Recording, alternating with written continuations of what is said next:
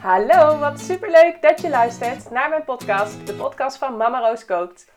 In deze podcast neem ik je mee in de wereld van babyvoeding en leer jij hoe jij je peuter weer gezond laat eten. Zo weet jij hoe jij je kindje de beste start kan geven en kunnen jullie als gezin genieten van gezellige etentjes samen. Mijn persoonlijke verhalen als mama van drie meiden, maar ook mijn achtergrond in psychologie, voeding en onderwijs hoor je terug in de verhalen van deze podcast. Veel plezier met luisteren!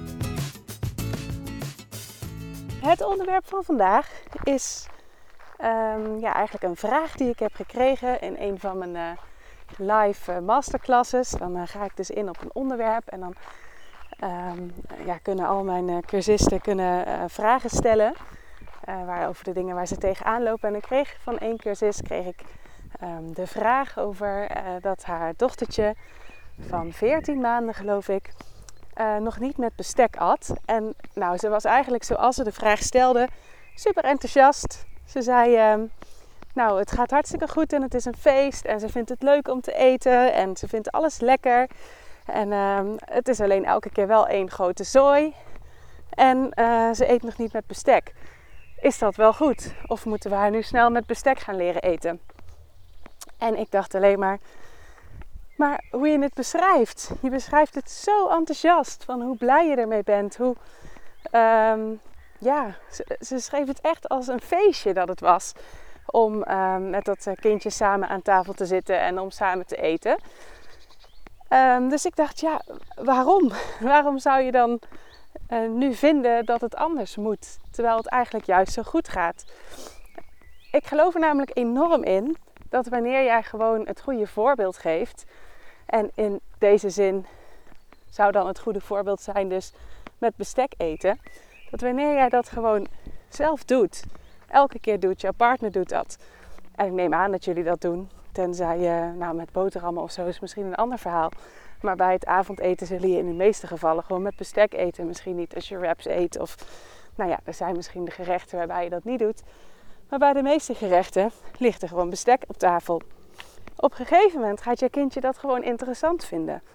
Dus die zal op een gegeven moment uit zichzelf in een fase komen dat hij ziet: hé, hey, wat ik doe is afwijkend van wat die mensen doen.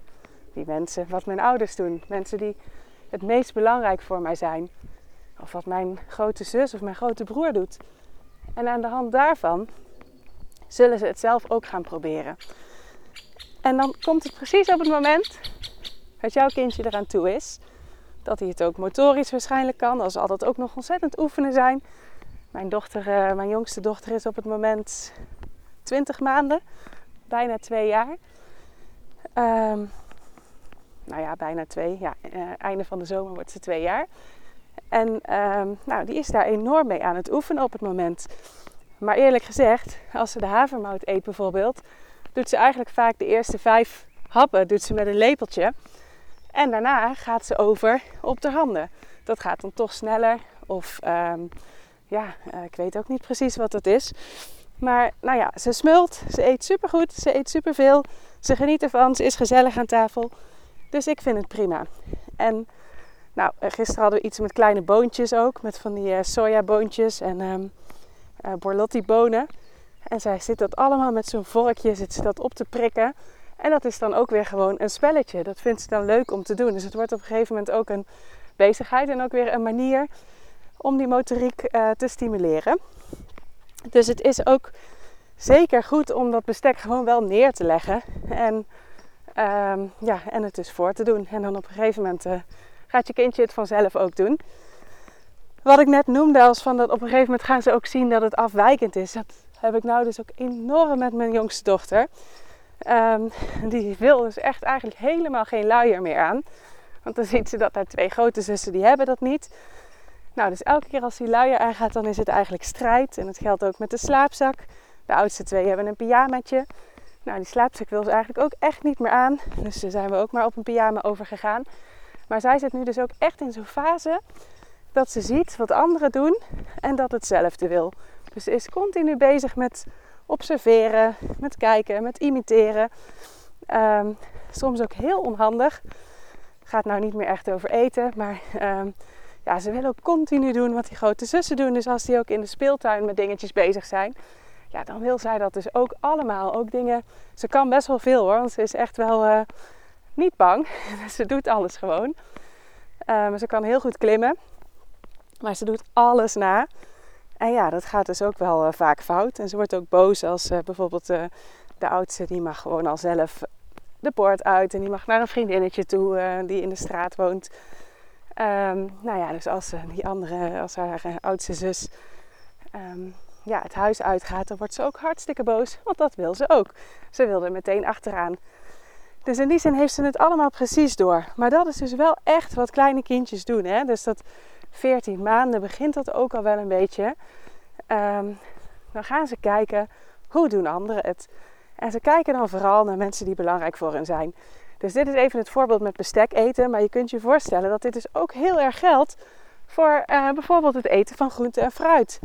Dus hoe doe jij dat zelf eigenlijk? Laat jij dat wel zien dat je dat eet? Misschien eet je het wel, maar eet je het helemaal niet in de buurt van je kindje. Dat zou best kunnen, hè? Dat je bijvoorbeeld fruit meeneemt naar je werk en je eet op je werk elke keer fruit. Maar je kindje ziet het jou niet eten. Dus dan zou je daar ook nog eens over na kunnen denken. Kun je een ander moment van de dag bijvoorbeeld kiezen? Als bijvoorbeeld het fruit eten bij jouw kindje niet zo goed gaat. Dus dan wil je eigenlijk laten zien dat jij het wel doet. Je wil het goede gedrag laten zien. Want kindjes die imiteren gewoon alles wat je doet. Je zult het op een gegeven moment echt ook, dat is wel heel grappig. Bij mijn oudste dochter zie ik het ook echt wel soms als spiegel. Dat ik denk, hé, hey, wat is dat voor gedrag? Daar ben ik niet zo enthousiast over of zo. Dan denk ik, dat doe ik ook. Dan is het gewoon zo herkenbaar ineens. Het is echt een spiegel soms voor, uh, voor de dingen die je zelf doet.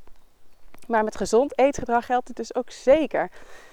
Um, zowel ook tafelmanieren als dat gezonde eetgedrag. Um, ik heb hem ook al in een andere podcast eens een keertje genoemd. Maar wat ik ook um, heel erg had als wij aan tafel gingen, was het heel moeilijk om onze kindjes aan tafel te houden. Dus uh, ja, ze springen de hele tijd op en willen gaan spelen. op een gegeven moment dacht ik, ja, wat kan ik hier nou aan doen en waar zit het hem nou in? En toen kwam ik er eigenlijk ook achter dat ik zelf dat ook de hele tijd aan het doen was. Wat deed ik nou? Ik ging uh, iedereen aan tafel zetten. Eigenlijk net een beetje voordat ik helemaal klaar was met koken. En daarna ging ik uh, toch nog even voor iedereen wat te drinken pakken. En oh ja, uh, Rosa moest ook nog een schortje om. Dus moest ik ook nog even opstaan om te pakken. En um, oh, nou toch niet helemaal handige opscheplepels. Pak even een andere. Uh, oh, ik wil er nog sambal bij. Dus uh, nou, moet ook nog even uit de koelkast gehaald worden. En zo was ik zelf dus de hele tijd aan het opstaan. Dus ik dacht ook, ja, geen wonder dat de kindjes niet blijven zitten. Ze krijgen ook totaal niet het goede voorbeeld hierin. En um, nou ja, vanaf het moment dat ik dat dus heel bewust om ben gaan draaien, gaat dat wel echt veel beter. Het, ja, blijft iedereen gewoon veel beter aan tafel zitten. Omdat ik denk dat gewoon de afspraak helder is. En ook um, het gedrag wat je wil zien door dat te laten zien. Um, ja, geef je gewoon het goede voorbeeld en maak je ook duidelijk dat dat is wat je wil, dat dat is wat je belangrijk vindt. Want zo doe je het zelf ook. Ja, wat ik al zei, dat geldt dus ook heel erg met gezond eetgedrag. En kinderen zien alles, hè? alles wat je doet. Dus ze horen natuurlijk de dingen die jij zegt over eten. Um, die neem, ja, ze nemen ook alles voor waarheid aan wat ze van jou horen. Dus als jij tegen je kindje zegt: hmm, Dat vind je vast niet zo lekker. Of ik denk niet dat je dat lust ja, dan zal dat ook hoogstwaarschijnlijk zijn wat er gebeurt. Um, dus let ook heel erg op het taalgebruik wat je hebt. Ook onderling, als je tegen je partner um, ja, bijvoorbeeld zegt dat je het niet lekker vindt. Of wat ik ook wel eens doe, is in het Engels eventjes uh, praten tussendoor. Want dan vind, heb ik bijvoorbeeld door dat het wat te pittig is of zo voor de kinderen. En dan denk ik, ja, als ik nou pittig zeg, dan eten ze geen hap meer. Want dan heb ik dat eigenlijk uh, ja, benoemd. Dus dat is dan nog het enige waar ze op gaan letten. En ze nemen dat natuurlijk enorm voor waarheid aan. Um, dus daar moet ik heel erg mee uitkijken. Dus dan uh, noem ik bijvoorbeeld spicy. Nou, volgens mij hebben ze het nog niet door. Uh, ik hoop dat dat ze blijft, want de oudste die zal dat soort dingen vast en zeker ook heel snel doorhebben. Maar goed, dan heb ik vast wel weer een andere methode hoe ik daar uh, mee om kan gaan. Maar um, dus ook de dingen die jullie onderling tegen elkaar zeggen. Um, of als je altijd zegt dat dingen dat je iets niet lekker vindt. Of dat je dus denkt dat je kindje het niet lekker vindt. Of dat het niet lekker bereid is. Of ehm, ja, het kan van alles zijn. Maar wat zeggen jullie tegen elkaar? Of misschien zeg je wel altijd van ja, ik eet voor het toetje. Of uh, vlees is het lekkerste van de maaltijd of de pasta. Ja, dat soort dingen zijn dus allemaal dingen die je kindje voor waarheid aanneemt en die die ook gaat laten zien in zijn gedrag uiteindelijk. Dus als je wil dat het verandert, is een van de dingen, misschien wel de belangrijkste, om altijd eerst te kijken naar, ja, wat doe ik eigenlijk zelf? Welk voorbeeld geef ik? En wat zeg ik? Wat doe ik? Um, dus wat zijn eigenlijk de signalen die jij uitzendt rondom dat gedrag? Waarvan het misschien wel is dat jouw kindje dat gewoon aan het kopiëren is. Ben je bijvoorbeeld ook heel veel aan het snoepen? Ziet je kindje jou veel tussendoortjes pakken of veel snacken? Ja, dan zal het ook wel zo zijn dat hij daar zelf ook om gaat vragen. Dat hij dat zelf ook verwacht dat hij dat op dat moment ook kan krijgen. En ziet hij jou dus gewoon gezond eten en vooral ook ervan genieten. Dus dat is ook een hele belangrijke. Hè? Dus hoe ga je ermee om? Eet je het uh, ja, gewoon genietend op of eet je het eigenlijk met tegenzin? Um, dat is natuurlijk wel een gigantisch verschil. Of zit je elke keer zelf uh, stukjes uit de saus bijvoorbeeld te pulken omdat je een hele kieskeurige eter bent.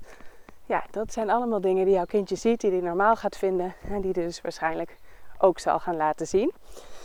Um, ja, een heel uh, ander verhaal geworden dan waar ik mee begon van uh, wanneer moet je kindje met bestek kunnen eten. Maar ik zou dat dus ook helemaal bij het kindje laten, bij de ontwikkeling van je kindje. En gewoon daarin het goede voorbeeld geven. Dus gewoon ja, zelf laten zien hoe jij met bestek eet. En er ook niet te veel nadruk op leggen. Maar dat, dat is gewoon hoe je eet. Je legt het ook neer voor je kindje. En op een gegeven moment zul je zien dat hij dat ook gaat imiteren. Dat hij dat interessant vindt. En uh, over het algemeen ook uh, met bestek zal gaan eten. Er is geen één kindje van een jaar of acht wat helemaal niet met bestek kan eten of eet. Um, en de een doet het wat eerder dan de ander. Zijn natuurlijk dus ook, wat ik al zei, wel wat motorische vaardigheden voor nodig. Maar het is vooral uh, dat een kindje er zin in moet hebben. Dat hij uh, dat moet gaan willen vanuit zichzelf. Niet vanuit de omgeving. Dat het moet omdat het netjes is of zo. Maar het liefst dat een kindje dat gewoon vanuit zichzelf ineens denkt van... hé, hey, dat is interessant, dat wil ik oefenen, dat wil ik leren. Want ik zie dat iedereen die belangrijk voor mij is, dat die dat ook doen. Dus dat wil ik ook. Uh, ja, ik hoop dat je hier uh, weer mee vooruit kan. Dat je weer wat inzichten uit deze podcast hebt gehaald. Ik vind het altijd leuk om van je te horen. Je mag me altijd een berichtje sturen. Um, op Instagram vind ik het bijvoorbeeld heel leuk of via de mail. Ik vind het leuk om te horen wat jij eruit hebt gehaald, wat je ermee bent gaan doen. En ik zie je heel graag weer bij een volgende podcast. Dankjewel voor het luisteren. Doei doei.